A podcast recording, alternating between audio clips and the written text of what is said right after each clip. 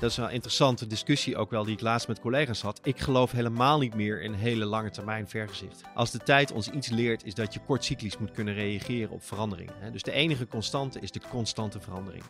En dat betekent dat wij een horizon hebben hier voor de ontwikkeling van het park van drie tot vier jaar. De Loopings Podcast met Wessel Wit.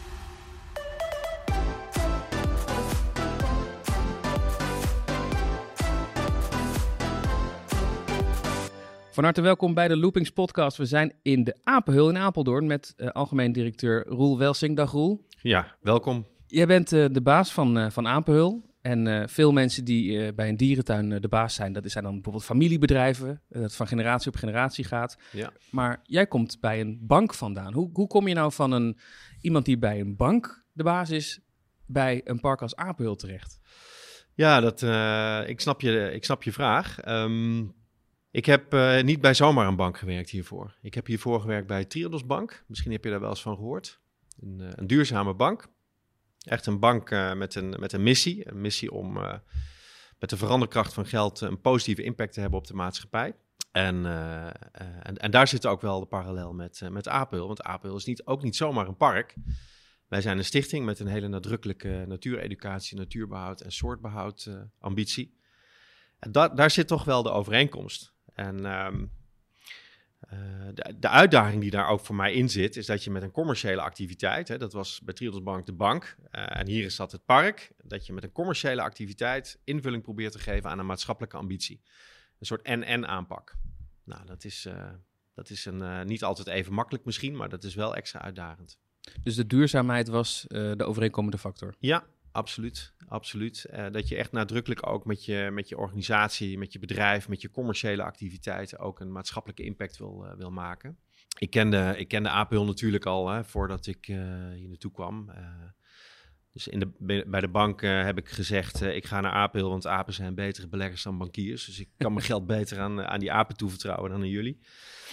Want dat is ook. Vond ze dat grappig? Of ja, daar moest ze natuurlijk wel om lachen. Maar er wordt ieder jaar ook nog zo'n test gedaan. Ik weet niet of je dat weet. Dat is een soort gorilla-test. Waarbij ze een, een, een fictieve aap uh, dartpijlen laten gooien op beursfondsen. Oh ja. En de, de, de rendementen van, uh, van die aap zijn, uh, zijn langjarig beter dan van hele geleerde bankiers.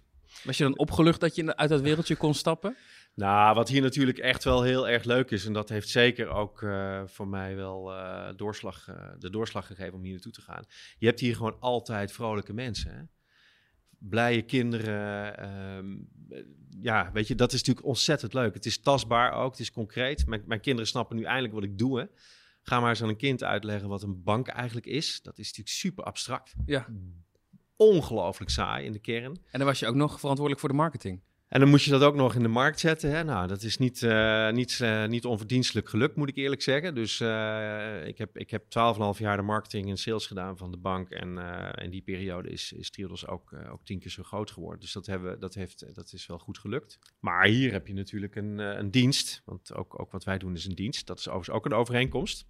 De dienst ja. is dan een dagje uitbieden aan ja. het publiek. Ja, hoe zorg je dat mensen een, een onbezorgd dagje uit hebben eigenlijk? En, uh, en het leuke van een dienst ten opzichte van een concreet product. Hè, een, product is heel tastbaar, een dienst is natuurlijk niet tastbaar. Die komt in interactie tot stand. Dus hoe jij en ik samen invulling geven, jij als bezoeker, ik als medewerker van Apenhul, uh, dat, dat, dat spel, die interactie, die bepaalt hoe succesvol die dienst eigenlijk is. En dat vind ik heel erg leuk. Nou, daar heb ik bij, daar voor Triodos bij, uh, heb ik in de marketing consultancy gezeten en het grote corporate bedrijfsleven. Nou, daar was ik op een gegeven moment uh, echt wel een beetje klaar mee. Uh, maar ook daar wel altijd in de dienstverlening. Dus wel altijd na zitten denken van... Hey, hoe kun je nou die interactie tussen mensen op een goede manier faciliteren... mensen in staat stellen om daar invulling aan te geven. En dat is eigenlijk ook wel een overeenkomst tussen de bank en, uh, en APUL. Ja. Dus het was uh, de, de voorliefde voor, voor duurzaamheid en de fascinatie voor de dienstverlening ja. die jou hierheen uh, trok. Maar jij nam dus ook een heleboel marketingervaring mee. Um, was dat een van de verbeterpunten toen jij hier voor het eerst was in Apel, dat je dacht van, oh, die marketing, dat, uh, dat kan ik even op tot een hoger niveau uh, tillen? Nee, als ik heel eerlijk ben, niet. Die was uh, en is nog steeds eigenlijk wel hartstikke goed. Dus dat was ook wel een interessant. ik denk dat, dat zou je eigenlijk aan het team zelf moeten vragen, maar dat vond ze natuurlijk wel spannend. Er komt iemand met zo'n achtergrond. ja, wat gaat hij doen? Hè? Gaat hij zich dagdagelijks bemoeien met alles wat hier op dat vlak gebeurt? En ik heb, ik heb vrij brede, een vrij brede definitie ook van marketing Voor mij is dat behoorlijk veelomvattend. Maar uh, nee, dat is niet zo. Daar heb ik, uh, wat, wat voor mij wel heel belangrijk was, uh, is dat ik juist dat hier heel erg goed vond. Je ziet hier gewoon ook als je naar het park kijkt. Ja, wat ik dan hier altijd noem de visuele identiteit bijvoorbeeld van Apenhul. Die is ontzettend, ontzettend sterk. dit is toch wel een A-merk. Het is een niche, vind ik ook interessant. Mm -hmm. Een niche in de sector. We hebben natuurlijk een heel duidelijk eigen profiel met die loslopende apen. Uh, maar je voelt het ook als je door het park loopt, dat er een hele duidelijke, heel goed is nagedacht over de visuele identiteit. Dat sprak mij enorm aan, ook als marketeer.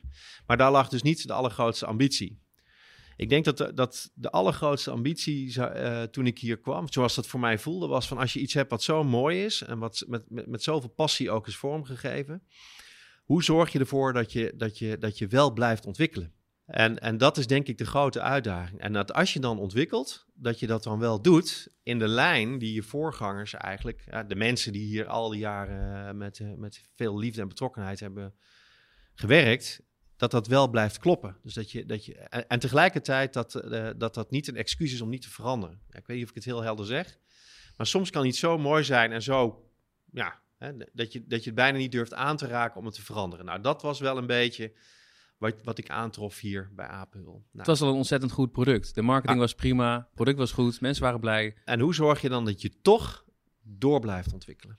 Ja. Dat is denk ik wel een hele mooie uitdaging. En je zegt marketing is heel erg breed, dus dat zijn niet alleen eh, de reclames en de foldertjes, maar er komen Nee. dus ook die, eh, die bebording bijvoorbeeld in het park bij, eh, bij kijken. Ja, maar ook- misschien nog veel meer. ja ik, ik, ik, ik, nadrukkelijk wil ik dat, dat er ook meegekeken wordt op de inrichting van de terrassen, het menu wat we aanbieden in de horeca, de, de routering naar het park. Eigenlijk is dat een hele brede, een hele brede kijk. Alles wat, ja, wat komt kijken, eigenlijk, wat, wat ervaar je nou eigenlijk? Wat het publiek meemaakt, Ja. dat, eh, daar Ja. bepaalt de marketing in mee. Want die weet wat het publiek wil en hoe het publiek denkt. Ja.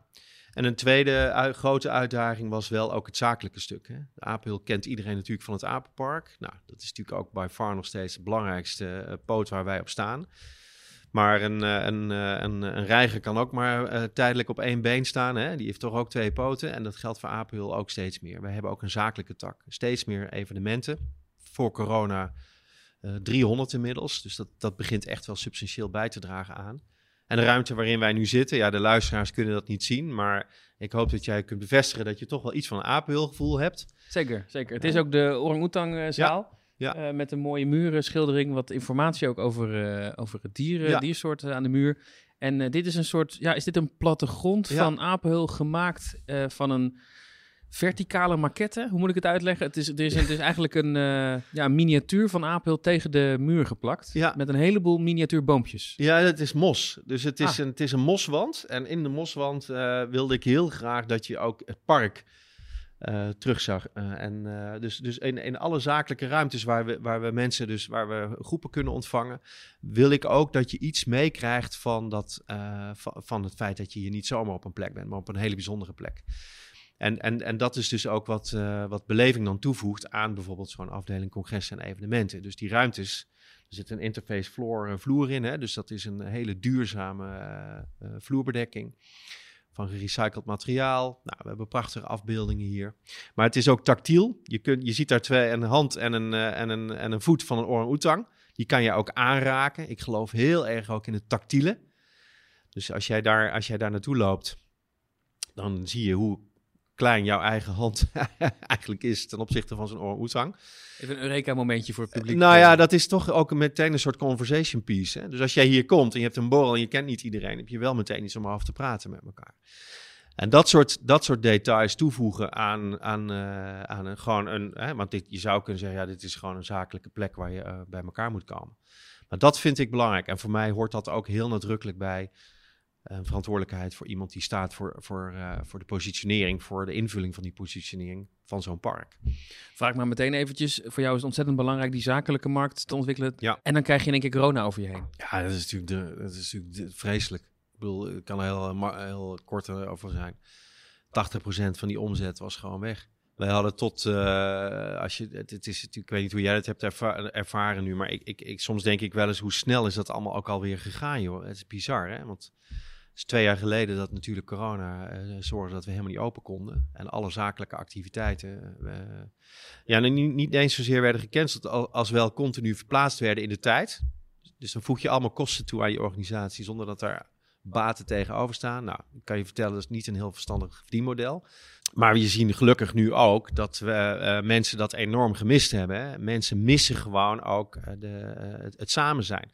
Als corona ons één ding heeft geleerd, zowel zakelijk als particulier, is dat, dat je elkaar opzoeken, letterlijk fysiek, dat dat ongelooflijk belangrijk is. En, en, en, en, dat er echt wel een beperking zit in het hele online gebeuren. Dat, dat, dat kent toch echt zijn grenzen. En dat zien we natuurlijk zakelijk ook. Dus dat loopt nu ook weer hartstikke goed. Dus daar ben ik wel ontzettend blij mee. Ja, corona was natuurlijk voor niemand in de wereld van de dagattracties een succes. Um, Apel had dan nog wel een klein gelukje qua park, dat jullie natuurlijk een seizoenspark zijn. Jullie zijn in de winter gesloten, dus de lockdowns die in de winter waren, hadden jullie dan misschien geen last van? Nee, dat is denk ik uh, dat is terecht. Hè? Dus uh, als je kijkt naar puur het uh, bedrijfseconomische aspect, dus los even van zakelijk, want dat viel natuurlijk wel allemaal weg in de winter ook. Hè? Dus je hebt normaal gesproken in de winter ook gewoon ja, zakelijke... Ja, februari ja. is echt, en, en zeker ook december en zo, dat zijn natuurlijk kerstborrels, dat soort dingen. Dus dat viel wel weg, maar nee, maar je hebt gelijk. Voor het park zelf was dat, was dat wel, was dat in zoverre prima. Maar wat je, wat je wel merkt natuurlijk, is dat wij allemaal met, met het afstand houden ook tot elkaar, tot collega's. Dus dat die verbindende factor, dus even samen lunchen, even samenkomen ook in de winter, dat je dat, dat je dat wel echt, ik heb dat wel echt gemist. Ik heb hier vaak, dit gebouw is behoorlijk groot, hè? Nou, je bent er net een beetje doorheen gelopen. Ik heb hier gewoon dagen in mijn eentje ook gezeten. Hè? En dan waren de dierverzorgers natuurlijk heel hard bezig om goed voor de dieren te zorgen. maar alle andere collega's, die zaten gewoon thuis. En ja, dat is natuurlijk heel onwerkelijk. Ja, beetje deprimerend ook misschien wel. Ik denk dat dat zeker voor mensen, uh, ja, dat dat een enorme beroep heeft, en het heeft een enorme beroep gedaan op de veerkracht van mensen. Absoluut, absoluut. En daarom zijn we ook blij, de zon schijnt nu, dat we gewoon weer echt gewoon lekker naar buiten kunnen, man. En gewoon even een kop koffie kunnen drinken en uh, elkaar even in de ogen kunnen kijken, weet je? Ja. ja. Hopelijk blijft dat zo. Uh, je noemde even een verdienmodel uh, tussen neus en lippen door. Bijna alle Nederlandse dierentuinen zijn 365 dagen per jaar geopend. Ja. Je hebt het Dolfinarium, die gaan nog af en toe dicht. Apenhul is ook een park wat zwinters dus voor het grote publiek gesloten is. Denk jij niet wel eens goh, we moeten die andere dierentuinen achterna, want er valt in de winter ook van alles uh, te verdienen en te laten zien aan de mensen, ondanks dat het koud is. Nou, zeker wel. En uh, we, voor corona waren we daar ook al wel mee bezig om te kijken of we dat konden testen. Hè? nou, dat is dus allemaal niet doorgegaan. Maar dat wil niet zeggen dat we het niet in de toekomst ook wel gaan proberen. Ik denk wel, kijk, de kernpropositie hier is natuurlijk buiten. Daarmee ben je extra afhankelijk ook van het weer. Uh, daarnaast is, is, is het natuurlijk zo dat mensen komen voor de loslopende apen. De meeste apen uh, komen toch wel uit de tropen. En zijn dus ook, net als wij, ook koukleumen. Hè? Dus uh, die zitten liever binnen. Dus wat we aan het doen zijn bij de ontwikkeling van het park, is dat alles wat wij vanaf, vanaf een aantal jaren geleden zijn gaan neerzetten, dat moet veel meer weersbestendig zijn. En dat zul je ook wel zien als je straks nog even het park loopt. Dat, dat, dat mensen ook gewoon een hele mooie ervaring kunnen hebben in de winter, als het wat kouder is.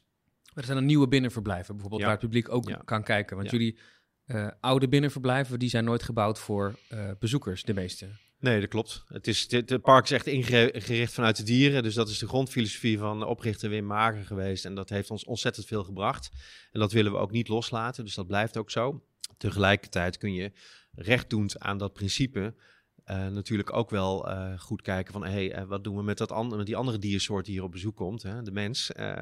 hoe, hoe, hoe wordt die gekend eigenlijk in de ontwikkeling van het park?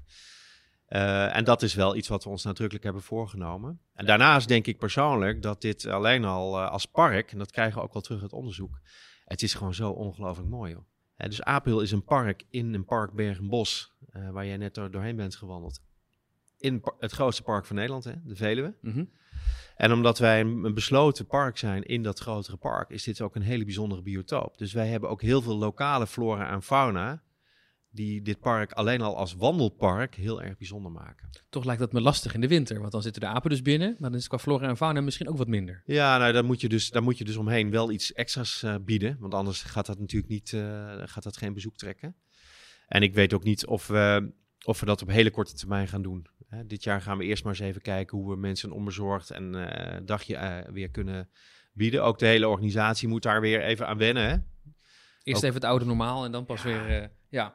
Ehm, ik denk ook meteen aan wat, wat natuurlijk veel parken doen, die verder die dan een, een minder aanbod hebben in de winter. Die zetten dan bijvoorbeeld een kerstmarkt neer of zo. Maar ik weet niet of dat bij Ampul zou passen. Nou, kerstmarkt zelf denk ik niet meteen inderdaad. Hè. Dus we, wat we dan al doen, dat zal echt wel moeten kloppen ook bij, bij de natuurbeleving die wij ook bieden. Eh, dus ik, ik zie mezelf daarin niet inderdaad meteen eh, allerlei prelaria in, in, in, het, in het park zetten. Dat, dat, dat conflicteert natuurlijk te veel met waar wij voor staan. Heb je daar al een idee voor van wat je zou kunnen toevoegen aan het aanbod winters? Of is dat echt nog nee, een... dus, eh, dat is echt, daar, daar, dat, is- dat, dat, daar moeten we echt opnieuw naar gaan kijken. Kijk, wat heel interessant daarin wordt, is of je in staat bent om als organisatie heel flexibel in te kunnen spelen op het weer. Wij hadden een prachtig voorjaar. Ik weet niet of je dat weet, maar de afgelopen jaar is het- was het in februari in de voorjaarsvakantie gewoon 18 graden zo'n beetje. Hè? Dus dan wil je misschien dan ook open. Alle Dan apen lopen het. buiten dan, hè? Ja. Dus dan baal jij. Maar, maar bijvoorbeeld een park wat hier in de buurt ligt, Julianatoren, die zijn al zo flexibel. Die kunnen gewoon zeggen, eh, we gaan wat weken eerder open dan op onze kalender staat. Ja, nou ja, dan, dan- dan, dan, dan zijn daar dus voorbeelden van. Dus dan is dat interessant om voor ons eens naar te gaan kijken van... hé, hey, eh, hoe, hoe kan het dat zij dat kunnen en kunnen wij dat dan niet ook, hè?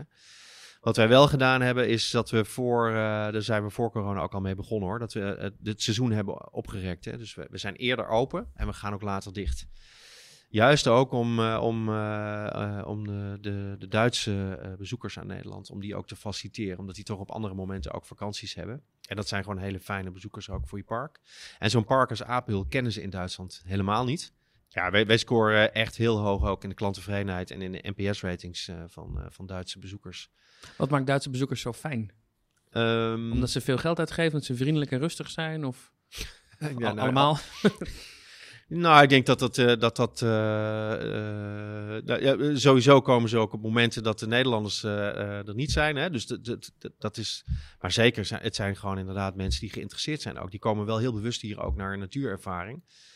Dus ze zijn geïnteresseerd in wat we doen. Wij, wij bieden voor kinderen eh, echt wel een hele, leuke, eh, een hele leuke ervaring die ze in Duitsland niet kennen. Ik weet niet of je wel eens een Duitse dierentuin bent geweest, maar die zijn toch over het algemeen behoorlijk traditioneel. Ja. Ehm, en dat is, dat is hier toch echt wel anders. Ehm, we hebben ook mooie speeltuinen, goede groenvoorzieningen. Ehm, Duitsers stellen ook hoge eisen aan de horeca. Daar moeten wij echt nog wel in mee. Ik vind dat we daar als APL echt nog wel stappen in kunnen zetten. En dan zijn ze ook bereid om in die horeca ook wel geld uit te geven. Hè. Dus dat is inderdaad een, hele fijn, een heel fijn soort eh, publiek om hier, eh, om hier te hebben. Is Apel al tweetalig wat dat betreft? Of misschien wel drietalig met Engels erbij? Qua Ja, beboarding en medewerkers? Ja, dat proberen we. Dat proberen we. Ik denk dat we daar nog, nog ongetwijfeld beter in kunnen worden. Maar dat is wel zo. Ja, dat is wel absoluut het streven. De horeca is dus nog een verbeterpunt. Ehm, wij kennen een dagje uit van oudsher, heb ik het over de jaren 80, 90, als een, eh, een frietje met een snack. Dat zal waarschijnlijk nooit verdwijnen. Ehm, probeer je dan ook de duurzaamheid meer in die horeca te krijgen? Ja, ja, ik denk dat we daar al best wel mooie stappen hebben gezet. Eh, en we zien daar inderdaad ook nog veel potentie. En, en ook daarin is het zoeken. In hoeverre moet je, moet ook daarin eh, het elastiekje met je publiek natuurlijk niet te veel oprekken. Dus eh, dat, eh, dat, eh, die kroketten en dat frietje, dat, eh, dat blijft. Eh, maar wij hebben bijvoorbeeld wel eh, de, am- eh, de ambitie, en die, die voeren we ook door. Het, het, het vlees wat je hier koopt eh, in de horeca eh, is wel biologisch. Eh, we proberen ook steeds meer vegetarische alternatieven te bieden. Ehm, salades. We hebben de cola standaard uit de kindermenu's al, al een aantal jaar geleden hoor. Ehm, en daar zitten gewoon biologische vruchtensappen bij. Als jij cola wil krijgen, dan kan dat gewoon. Want ik geloof er niet in dat je dingen moet verbieden. Dus niet, niet met zo'n opgeheven vingertje, daar geloof ik helemaal niet in.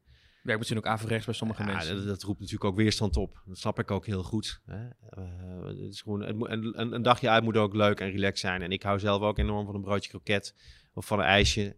Maar je kunt wel kijken of je mensen kunt meebewegen en kunt laten zien dat er ook alternatieven voor zijn. Je moet een beetje in de gaten houden wat je publiek eigenlijk wil en pikt. Want bijvoorbeeld een park als Artis, wat natuurlijk al veel verder is eh, daarin, eh, daar moet je echt zoeken naar een vleessnack. Want eigenlijk is standaard daar alles vegetarisch in het assortiment. Maar dat zal het publiek misschien hier niet direct accepteren als je dat van de een op de andere dag invoert. Ja, ik kan, ik kan over Artis niet. eh, eh, ik heb er meteen een beeld bij. Het is natuurlijk een heel ander soort eh, publiek, dat geloof ik wel.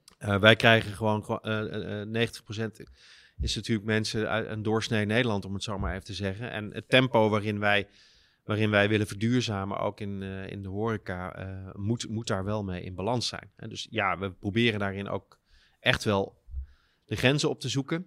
En dus we hebben uh, andere chips bijvoorbeeld. Uh, we bieden ook fruit aan. Maar je merkt gewoon dat mensen daar echt nog wel ook heel erg aan moeten wennen. En dat komt wel. Dat, ik heb dat bij Triodos Bank natuurlijk ook gezien. Hè? Daar zat je natuurlijk bij de koplopers. Dus dan, dan zit je lekker in de eigen parochie te preken. En dan gelooft iedereen het allemaal wel. Maar zodra je die groep wat groter gaat maken, merk je dat mensen ook daar gewoon tijd nodig hebben. En best wel willen, maar ook daarin wel geholpen moeten worden. Is een bekend verhaal van een uh, Zweeds pretpark dat het assortiment van een restaurant niet veranderde, maar alleen de menukaart. En uh, de uh, gerechten die vegetarisch waren, daar kwam een foto bij te staan, die kwam prominent bovenaan te staan. En de gerechten met een vleessnack, die kwamen als, alleen als naam onderaan te staan. Uh, dus het assortiment veranderde niet, maar volgens mij was er iets van 80% meer uh, vegetarisch eten besteld daar. Dus ja. ja. zo kun je het publiek sturen zonder daadwerkelijk hun opties te beperken. Ja, precies. Nou, we doen dat in de pricing ook wel. Dus de marge die wij maken op de biologische vruchtensappen is wat lager dan. Uh, dus dan kun je ook, dan kun je dat ook qua prijs wat dichter bij, bij een cola brengen, bijvoorbeeld. Zodat dat misschien ook ergens gewoon een, een effect heeft. Ja. Nee, dus ja, we, we hebben twee jaar geleden um, een prachtig nieuw restaurant geopend. Met een soort strandtentgevoel. Ik weet niet hoe lang het is geleden dat jij in het park bent geweest. Uh, een paar maanden, dus ik zou hem wel gezien dan, moeten dan hebben. moet je hem hebben gezien, denk ik. Dan ben je langs die mooie insectenmuur gekomen door het dooshoofd aapgiet. En dan het eerste horecapunt wat je tegenkomt. Daar moet je dat gevoel een beetje hebben gehad als het goed is. Een mooi terras.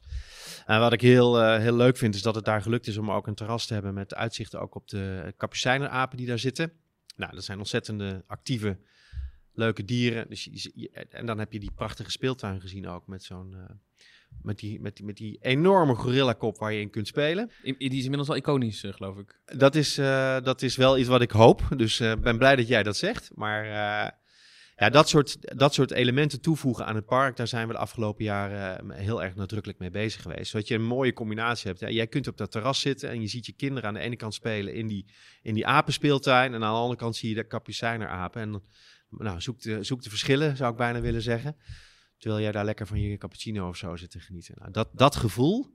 Uh, en we hopen natuurlijk, daar gaan we dit jaar voor het eerst achter komen. Want het terras hebben we nog helemaal niet zonder corona kunnen gebruiken. Hè? We hopen natuurlijk dat mensen daar ook wat langer blijven zitten en ook ja, meer bij ons doen. Hè? Dat kan nu voor het eerst dat dit kan jaar. nu voor het eerst. Even een stapje terug, maar dit zijn nieuwe ontwikkelingen. Ja. Uh, maar Apelhill wordt al uh, ja, misschien wel decennia lang geprezen, omdat het park uh, de tijd ver vooruit is. Dus de manier waarop de dierenverblijven zijn ingericht en ontworpen en hoeveel ruimte de dieren hebben en hoe natuurlijk alles is, is nu volgens mij vandaag de dag nog steeds een voorbeeld voor heel veel dierentuinen. Uh, we hebben het gezien dat bijvoorbeeld een nieuw park als Wildlands een beetje die kant op is gegaan. Um, maar het lastige van een park dat zijn tijd ver vooruit is natuurlijk om de tijd ver vooruit te blijven. Want je ziet dat de concurrentie meebeweegt. Die zijn Ja. de afgelopen decennia allemaal groener geworden. Die zijn allemaal, hebben meer ruimte gekregen, minder dieren. Dan is het voor jou heel lastig. Je zei het al een beetje. Jij komt hier binnen, het product is al vrij goed. Het, wordt, het is al geliefd. Maar zie maar eens het product toekomstbestendig te maken. Ja. Hoe doe je dat? Ja, nou ja, dat is een hele mooie ambitie. Hè? Dus wij hebben ook wel eh, voor een aantal stakeholders, eh, voor Apel, ook wel een aantal ambities uitgesproken met elkaar. En één daarvan is natuurlijk, wij willen gewoon koploper zijn, eigenlijk referentiepunt op het gebied van hoe ga je nou met dieren om. Voor de luisteraars, stakeholders, dat zijn dus eh, alle partijen die hier... eh, allerlei- ja. En een hele belangrijke stakeholder zijn natuurlijk de dieren hier. Hè? Die hebben niet zozeer zelf een stem, maar die vertegenwoordigen wij. En daar moeten we dus goed over nadenken. Als je dieren houdt, dan moet je daar ook goed voor zorgen. Eh, dus een van de dingen die we zijn gaan doen is ook, en we hebben een dierenwelzijnscore ontwikkeld. Hè? Als, je, als, je, als je referentiepunt wil zijn op, op, dat, op dat vakgebied, van hoe, hoe doe je dat nou? Ja, dan moet je dat ook proberen enigszins meetbaar te maken en tastbaar te maken. En eh, we, me- we meten al de medewerkerstevredenheid, we meten de, de, de, de bezoekerstevredenheid. Dus een van de, ja, een van de dingen, dachten we, laten we die apen zelf ook eens vragen hoe, ze, hoe tevreden ze nou eigenlijk zijn. En kunnen we daar niet wat mee? Hè? Nou, als je, een, als je een aap die vraag stelt, dan krijg je niet een direct heel duidelijk antwoord. Nee, niet? Nee? Ondanks dat je zo lang bij Apel werkt, nog steeds. Onbegrijpelijk. ja. Jongens, geef nou toch gewoon, zeg nou toch gewoon hoe het, hoe het is. Maar nee, een beetje flauw. Maar je kunt dus toch wel, eh, je kunt toch wel een methodiek ontwikkelen waarin je met elkaar gaat vaststellen op een aantal eh, eh, eh, parameters van hey, waar, waar zit dat dan in? En dat verschilt ook wel per soort. Die, die dierenwelzijnscore, die, dat, dat is een manier om te laten zien dat je referentiepunt bent. En daarmee dus ook voor anderen.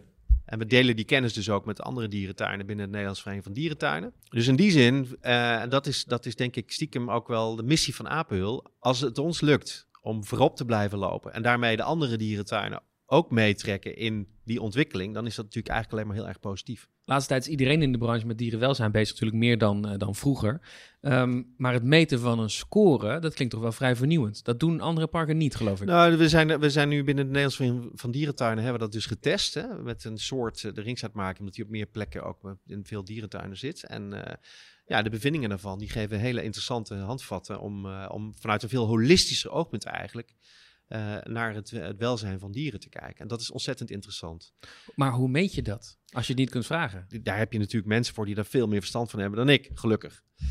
Maar je kunt bijvoorbeeld wel uh, cortisol, dat is een stresshormoon, kun je gewoon meten. Dus als jij dat uit de haren, hè, die haren die vind je natuurlijk gewoon, dat, kun je gewoon, dat is gewoon iets wat je kunt meten. Uh, je kunt gedrag natuurlijk ook objectiveren. Hè. We hebben hier ongelooflijk veel, dat wist ik ook helemaal niet overigens toen ik voor de KIE begon, maar we, hebben, we, hebben, we werken ongelooflijk veel samen met universiteiten.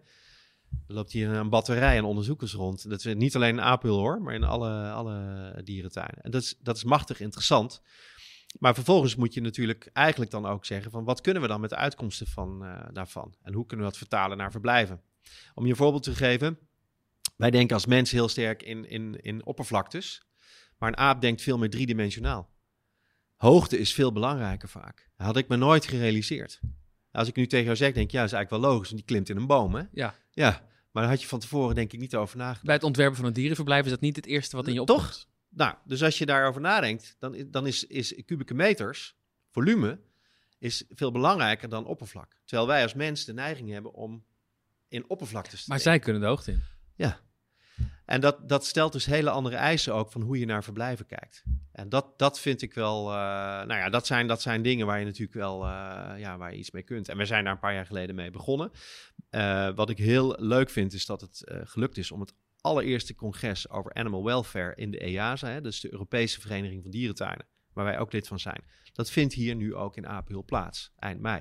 Als je voorop wil lopen op, op, dit, op het denken hierover, dan moet je ook faciliteren dat daar kennisuitwisseling plaatsvindt. En dan is het heel logisch eigenlijk dat je dan ook gastheer bent van zo'n soort congres. Dat is een eer eigenlijk.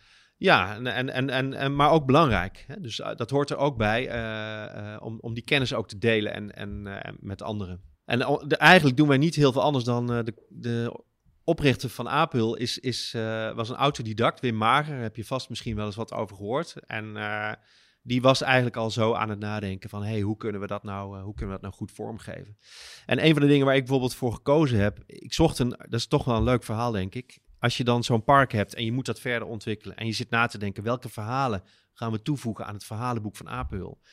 Dan zoek je een architect, een landschapsarchitect eigenlijk misschien wel meer, omdat dit natuurlijk een natuurpark is, die echt tot in zijn DNA snapt wie wij zijn en waar wij voor staan blijkt er toch hier een, uh, een jongen te hebben gewerkt als gorillaverzorger die architect is geworden. Dus die jongen heb ik uh, uh, uitgenodigd om een keer langs te komen. Was wel een beetje lastig, want hij woont namelijk in Peking. Ah, in Beijing. Is niet een hoek, nee. Maar hij, was, hij komt uit Apeldoorn. Hij heeft zes jaar lang hier als gorillaverzorger gewerkt en is architect geworden. Is nu ook gepromoveerd en geeft les ook aan de Universiteit van Beijing. Die heb ik hier, dat is Martijn de Geus, die heb ik gevraagd om een keer langs te komen. En ik heb met hem een hele mooie wandeling gemaakt door, eh, door het park. En toen dacht ik, ja, hij snapt gewoon, hij snapt gewoon wat, wat die dieren nodig hebben, wat, wat klopt bij apenhul. Uh, dus met, met hem ben ik gewoon vervolgens uh, gaan nadenken. Wat een bizar toeval eigenlijk. Ja, misschien wel. En misschien hij kent het park al. Hij kent het park. Ja, hij kent door. het park, hij kent het DNA van het park. Hij, hij snapt ook heel goed dat het vertrekpunt moet zijn. Dat je niet, hier niet komt voor de gebouwen, hè? Je komt hier voor, voor, de, voor de dieren. Ja, voor de natuur. Ja, voor, maar de dus dieren, ja. voor heel veel architecten is dat lastig om te accepteren. Want het je gebouw... moet eigenlijk een stapje terug doen misschien wel. Ja, dat denk ik wel, ja. Maar je komt niet voor een gebouw naar Apenhul. Je komt hier voor de dieren. En dat is ook wat dit park zo bijzonder maakt. Nou, en daarnaast, ik zei ja er straks al, die visuele identiteit. Hè. Wij werken met heel veel natuurlijke ma ma materialen. Je, je voelt als je door het park loopt dat dat, dat dat klopt. En daarin denk ik dat wij echt onderscheidend zijn ten opzichte van anderen. En last but not least... Uh, en dat is echt een verdienste ook van de oprichters. Maar de plek uh, is hier gebruikt als vertrekpunt ook voor het ontwerpen. Dus, dus de, de hoogteverschillen, de bomen natuurlijk. En dat is echt wel anders als je naar, naar andere parken kijkt. En ik ga geen namen noemen van mijn lieve collega's natuurlijk. Maar dan snap jij meteen, uh, daar, zit, daar zit minder harmonie in. Dat is vaak wat, wat, uh, wat rommeliger. En ieder park heeft zo zijn eigen charmes natuurlijk. Hè? Een artis bijvoorbeeld heeft gewoon 22 rijksmonumenten. Dus de gebouwen zijn daar heel belangrijk ook in het park zelf. Ja, dat is, en dat is natuurlijk een, een stadstuin, een totaal ander soort vertrekpunt ook ehm, dan, dan Apenhul. Ja. En daarmee is de een niet beter of slechter dan de ander. Ja, je moet gewoon dicht, dicht bij jezelf daarin ook blijven, denk ik. En dat is wat wij wat wij hier ook proberen te doen. Qua nieuwe ontwikkelingen, jij noemde het uh, verhalen toevoegen aan het verhalenboek van uh, Dat klinkt wel heel marketing. Nieuwe apensoorten toevoegen kan volgens mij haast niet, want alles wat je kunt houden in een dierentuin op apengebied, voor mijn gevoel, loopt hier al rond. Ja, toch zijn we op dit moment dat wel uh, aan het doen. Hè? Dus wij zijn nu aan het oefenen met een, een, een, een, apensoort die nog nergens op de wereld losloopt. Dus dat is een primeur voor, jou, voor jouw podcast. En uh, als het goed is, gaan die apen, en dat gaat tot nu toe, even afkloppen, gaat dat heel goed. Ze zijn er al. Ze zijn er al. En als dat, als dat goed lukt, en dat is wel de, uh, nadrukkelijk de, de ambitie, want we zijn ook begonnen met het ontwikkelen van een stuk van het park. Het laatste stuk van het park, daar, daar stond een draaimolen. En dat was, en vond ik zelf, een heel gek soort einde eigenlijk van je ervaring in Apenhul. En je zag dat voor een, deel van het publiek uh, heel fijn was. Met name natuurlijk ouders met kleine kinderen. Hoewel fijn, die kinderen waren niet weg te slaan natuurlijk bij die draaimolen. En dan ben je als ouders, denk ik, ik wil naar huis. Wilde ze, pap, mag ik nog een keer? Nou, oké. En vervolgens willen wij dan ook nog dat die mensen ook nog eens door de winkel gaan voordat ze het park uitgaan. Hè? Dus nou, eerst creëer je een enorme opstopping rondom zo'n draaimolen en dan wil je dat mensen een winkel ingaan. Ik denk dat dat niet een hele goede volgorde is in de customer journey.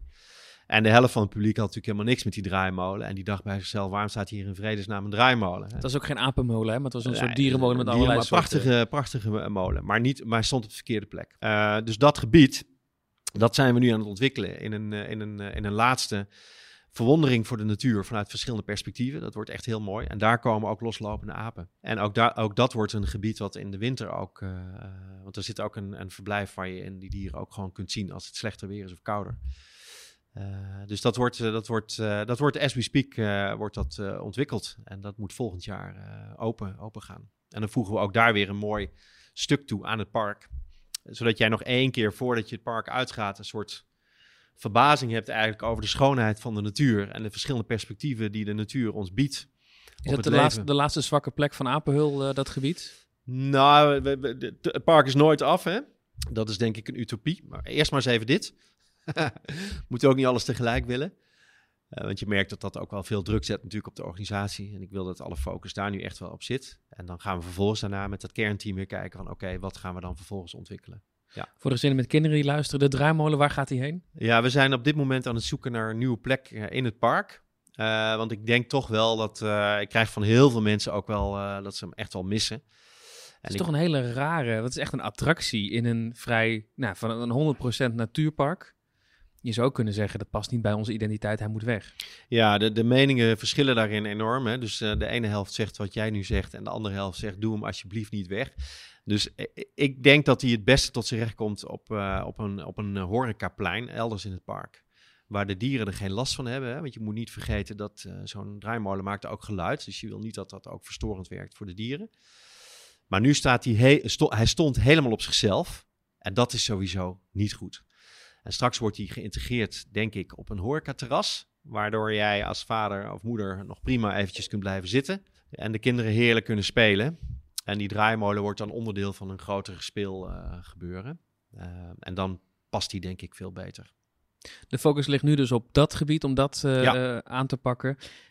Stel je voor voor de toekomst, hebben jullie dan nog ruimte om uit te bereiden buiten de parkgrenzen? Of, of moeten jullie houden binnen het huidige park? Ja, dat is een uh, gesprek wat we met de gemeente misschien maar eens een keer moeten aangaan. Maar uh, nee, ja, dat is denk ik, uh, op dit moment is dat wel de begrenzing van Apenhul. De 12 hectare die we hebben, die, die zijn, wat zijn wat ze zijn. En dat betekent dat we binnen die vierkante meters slim moeten kijken, wat kunnen we daarmee? Nou, het, het voorbeeld wat ik je net geef is denk ik een hele slimme manier. Want als je naar dat gebied kijkt en je haalt die draaimolen weg, dan weet je niet ongelooflijk veel vierkante meters dat oplevert. Maar daar, daar zit zeker wel ook een, uh, een beperking. Dus als wij willen groeien in aantallen bezoekers, dan zal dat vooral moeten komen vanuit het verlengen van het seizoen. Omdat je qua vierkante meters... Hè, of het verlengen van de dag, hè, dat kan natuurlijk ook. Dat je langer open blijft op een dag. Heb je ook al mee geëxperimenteerd, uh, Ja. geloof ik, door af en toe uh, zomeravond te organiseren? Ja, we hebben vorig jaar mee geëxperimenteerd. Nou, het was goed dat we dat geëxperimenteerd hebben. Je merkte ook wel dat wij daar als organisatie nog niet helemaal klaar voor zijn. En voor dit jaar hebben we gezegd, nou, dat heeft zoveel druk gezet ook op de organisatie.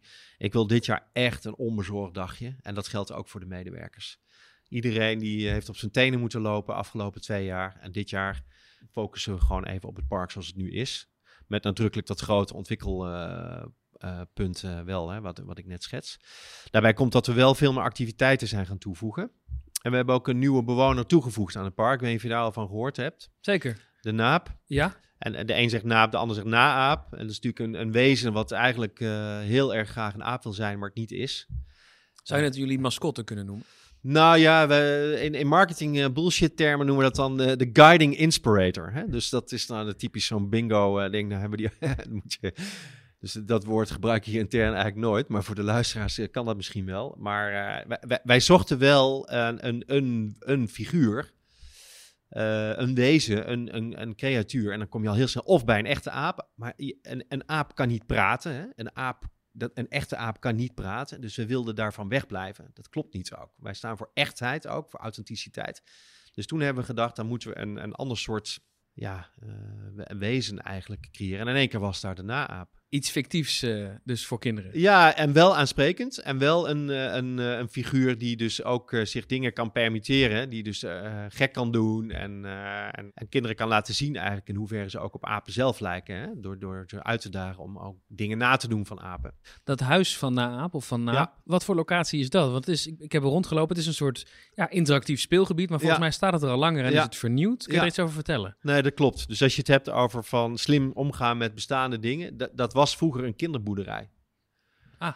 De, toen ik hier kwam, stonden daar ook nog twee varkens en twee koeien. En ik dacht echt, Over de identiteit van Apel uh, gesproken. Ja, het is echt heel, heel grappig hoe dat gaat. Hè? Dus, dus moet je voorstellen, ik krijg een factuur of een, een offerte op mijn bureau. Ik was hier net voor een nieuwe stal voor twee, uh, twee prachtige koeien. Ik zei, twee koeien? Waar, waar, je dacht dat je in de maling genomen werd. We hebben toch apen hier? Maar goed, waar staan die dan? Nou, ik er naartoe. Nou, die koeien die stonden daar. En toen vroeg ik ook aan de dierverzorg, maar waarom hebben wij hier twee koeien? Goeie vraag. Uh, ja, die waren er omdat er ooit een kinderboerderij was geweest. En deze koeien waren daar nog van over eigenlijk, hè? En uh, nou, oké, okay, het zijn hele mooie koeien. Zijn wij nou de beste plek voor die twee koeien?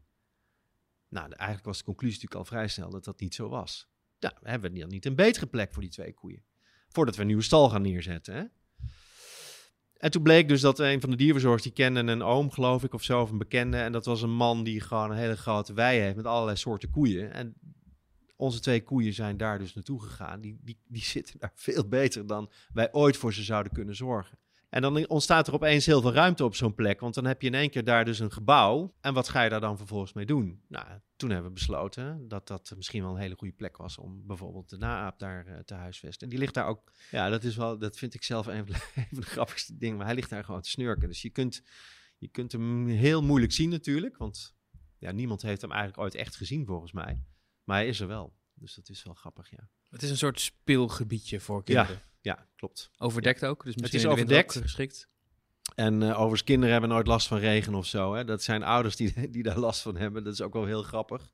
Maar dus, uh, het is inderdaad een, een heel groot uh, gebouw wat we nu langzaam... Daar is een doolhof in gemaakt en een speel, speeltuin bij. En je, er zit een kabelbaantje bij. Je kunt verspringen daar. Je kunt hem...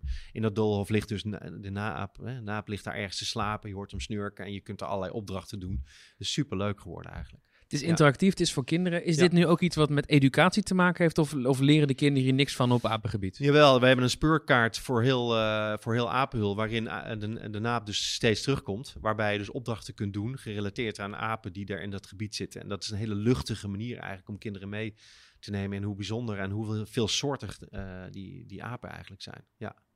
Als er kritiek is in Nederland op dierentuinen... dan uh, zeggen de dierentuinen altijd... maar wij zijn er voor de educatie van het publiek... En wij leren de mensen hoe mooi de natuur is, maar we, leren ze, we brengen ze ook feitjes bij over, ja. over dieren. Uh, elke dierentuin heeft borden met informatie. Toch als ik door een dierentuin loop, dan uh, kijken ze naar de dierenverblijven en dan kijken ze hoe schattig een dier is en dan zeggen ze, oh schattig, maken ze een foto voor Instagram, lopen ze door. Ja. Werkt dat wel? De educatie op de manier zoals de Nederlandse dierentuin dat nu doen met gewoon een informatiebord met, met feitjes? Nou, ik denk dat informatieborden alleen uh, onvoldoende zijn. Hè? En, en, dat is ook niet wat je bij de Nederlandse dierentuinen uh, alleen maar aantreft. Het is een soort basis die er moet zijn, maar die is natuurlijk al vrij klassiek. Sommige mensen vinden dat fantastisch en die spellen die borden helemaal uit. Maar, die, maar, maar het gros loopt eraan voorbij en kijkt naar het dier. Kijk, stap 1 is het, het, feit dat je hier, dat moeten we ons niet, niet, niet, niet vergeten. Het gros van de Nederlandse kinderen komt eigenlijk nooit in contact met de natuur. Dus wat wij doen als dierenparken is wij stellen kinderen voor, op, een, op een luchtige, laagdrempelige manier, brengen wij op een hele bijzondere manier in contact met hele bijzondere dieren, met de natuur. Met de veelzijdigheid van de natuur met de diversiteit van de natuur. Nou, en, zo'n park is Apel. Alleen al het feit dat je vier uur, vijf uur door zo'n park heen wandelt, is voor heel veel gezinnen niet een gegeven. Dat moet je niet vergeten. Het gros leeft gewoon in een verstedelijkte omgeving. Hè? Weet niet eens wat een appelboom is. Of waar de melk vandaan komt. Ja, nee, die voorbeelden kennen we allemaal. Dus dat is denk ik een hele belangrijke bijdrage van, uh, van dierentuinen. Tweede is, en ik denk dat corona ons dat wel ook geleerd heeft, het tactiele, de echte ervaring, gaat veel verder dan het abstracte van een film.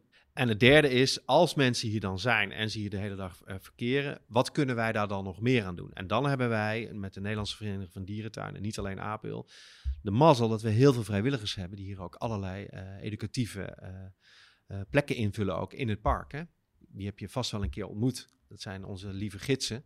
En ik merk dat in het gesprek in, in het echte contact ook weer met kinderen. We hebben bijvoorbeeld een hele poepexcursie nu.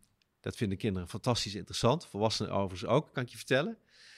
Dat is een ontzettend laagdrempelige manier om met die kinderen te gaan praten over dingen als voeding, over gezondheid, over wat eten apen, wat eet jij eigenlijk.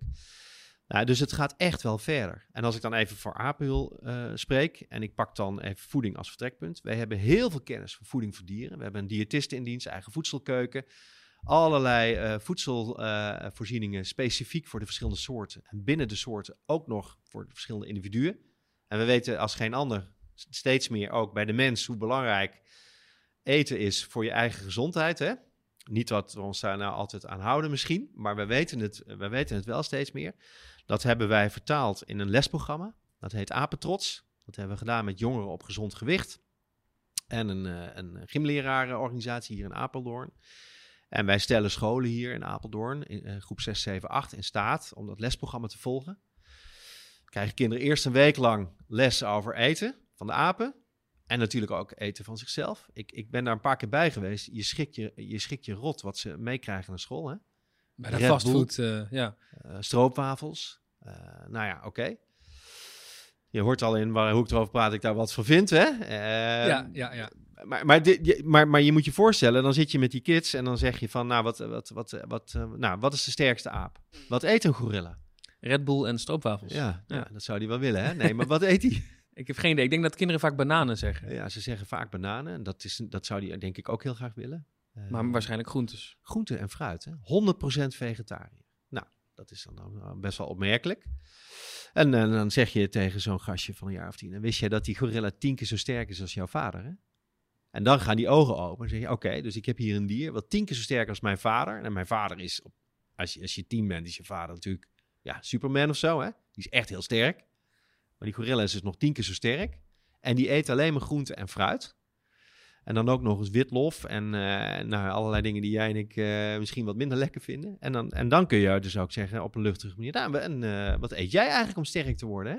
Nou ja, en dan komt soms het besef. Dan zien het nou in de ja, dat zijn natuurlijk zaadjes die je plant. En je hoopt natuurlijk dat ze thuis, hè, en, en, dat ze het daar ook over hebben thuis. En, en, en dat heeft, dat is, je gaat dat niet in één week oplossen. De tweede week gaan ze spelen als de apen. Kinderen spelen veel te weinig tegenwoordig.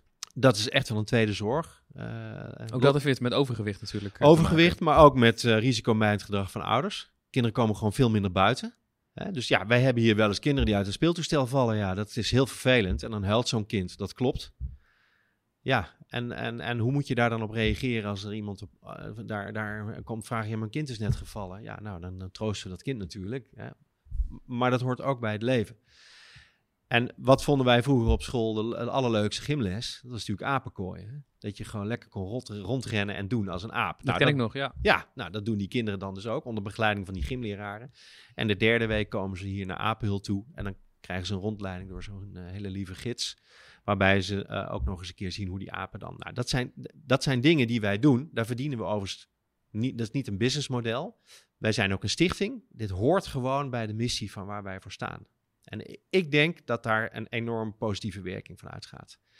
Um, en dat eigenlijk dus dat is een veel bredere invulling van die natuureducatierol die wij hebben dan alleen een bord neerzetten bij een verblijf. Hè, waar, waar onze waar, uh, waar jouw vraag uh, vandaan kwam. Klinkt fantastisch, zo'n lesprogramma. Ja. Het is eigenlijk jammer dat je niet voor het hele grote publiek aan kunt bieden. Want het is dus ja, nou, schoolklassen. Maar... Uh, als mensen naar aanleiding van deze podcast interesse hebben, dan moeten ze maar contact opnemen. Want we, we hebben dat ontwikkeld. En wij, wij, richten ons nu in eerste instantie op, op, op de omgeving hier. Maar ja, we zijn natuurlijk een groot voorstander van natuureducatie.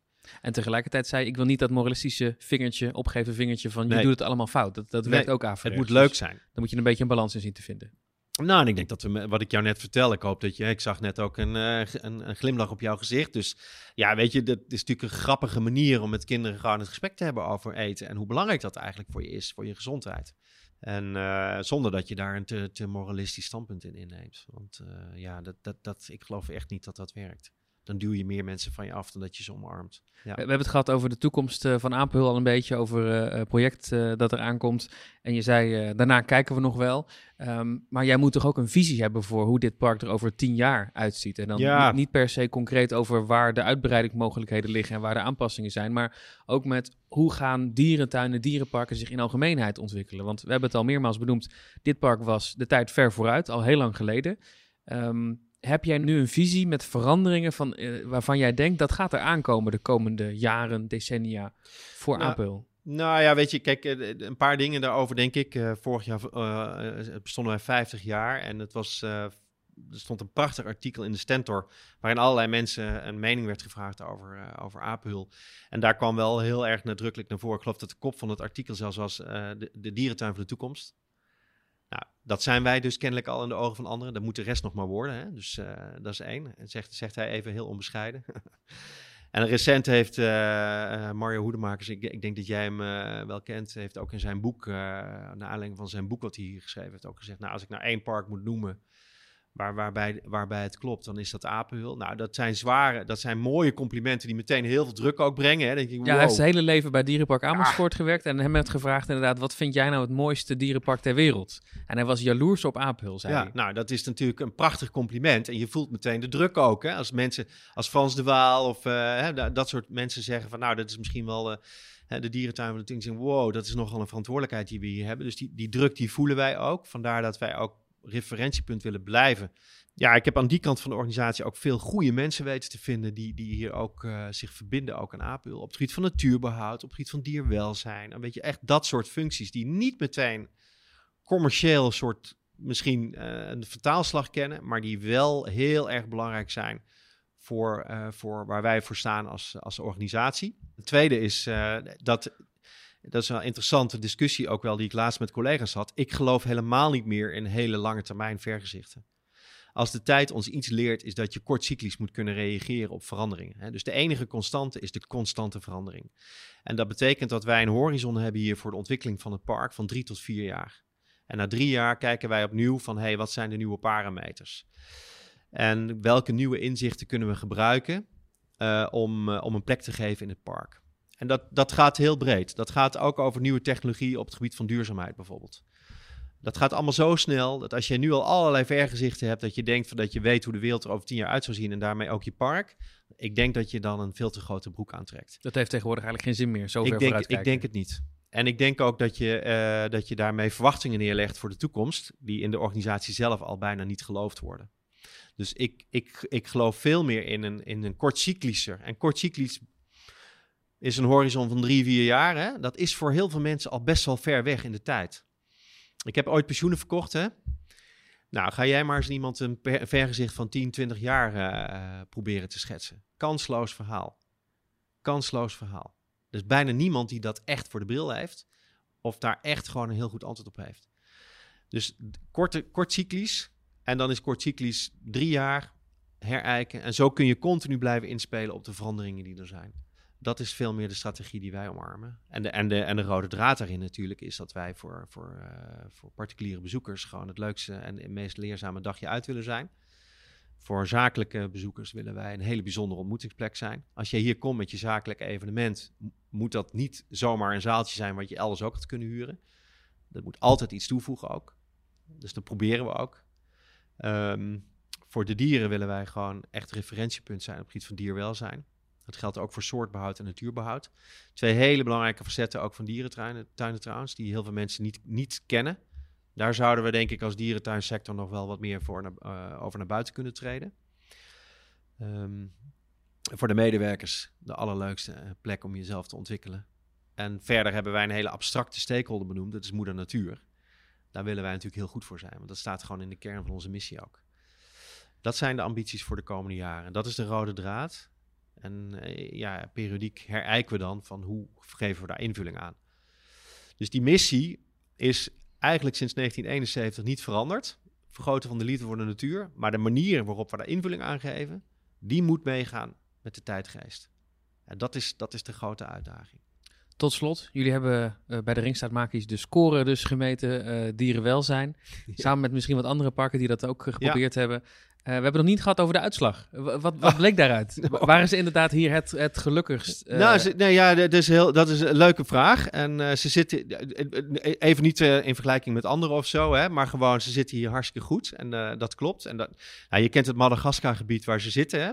En tegelijkertijd komen er ook al dingen uit voor ons, dat we zeggen, hey, binnenverblijf bijvoorbeeld, waar ze dan ook zitten natuurlijk, periodiek, hè, kunnen, daar hebben, hebben we echt nog wel wat meters te maken. Daar kunnen we ook verbeteringen aanbrengen. Dus dat is denk ik voor ons ook alweer een heel, heel interessant inzicht. Dieren maken het goed en tegelijkertijd zien we ook punten van verbetering. Nou, Zo leren gelukkig maar. Ja, precies. Ja. ja. Roel, hartelijk dank voor het gesprek. Graag gedaan. Dank voor je komst. Fantastische toekomst bij Apel. En wat ik je straks al zei, hè, je moet nu echt het park in, want over Apel moet je helemaal niet praten. Dat, dat, dat moet je, daar moet je gewoon van genieten. En dat zeg je nu. Ja. ja. Dankjewel. Ook dan. Je luisterde naar een aflevering van de Loopings podcast. Heb je vragen of opmerkingen? Mail dan naar podcast@loopings.nl. En wil je geen afleveringen missen? Abonneer je dan via de verschillende podcast-apps zoals Spotify. Bedankt voor het luisteren en graag tot de volgende keer.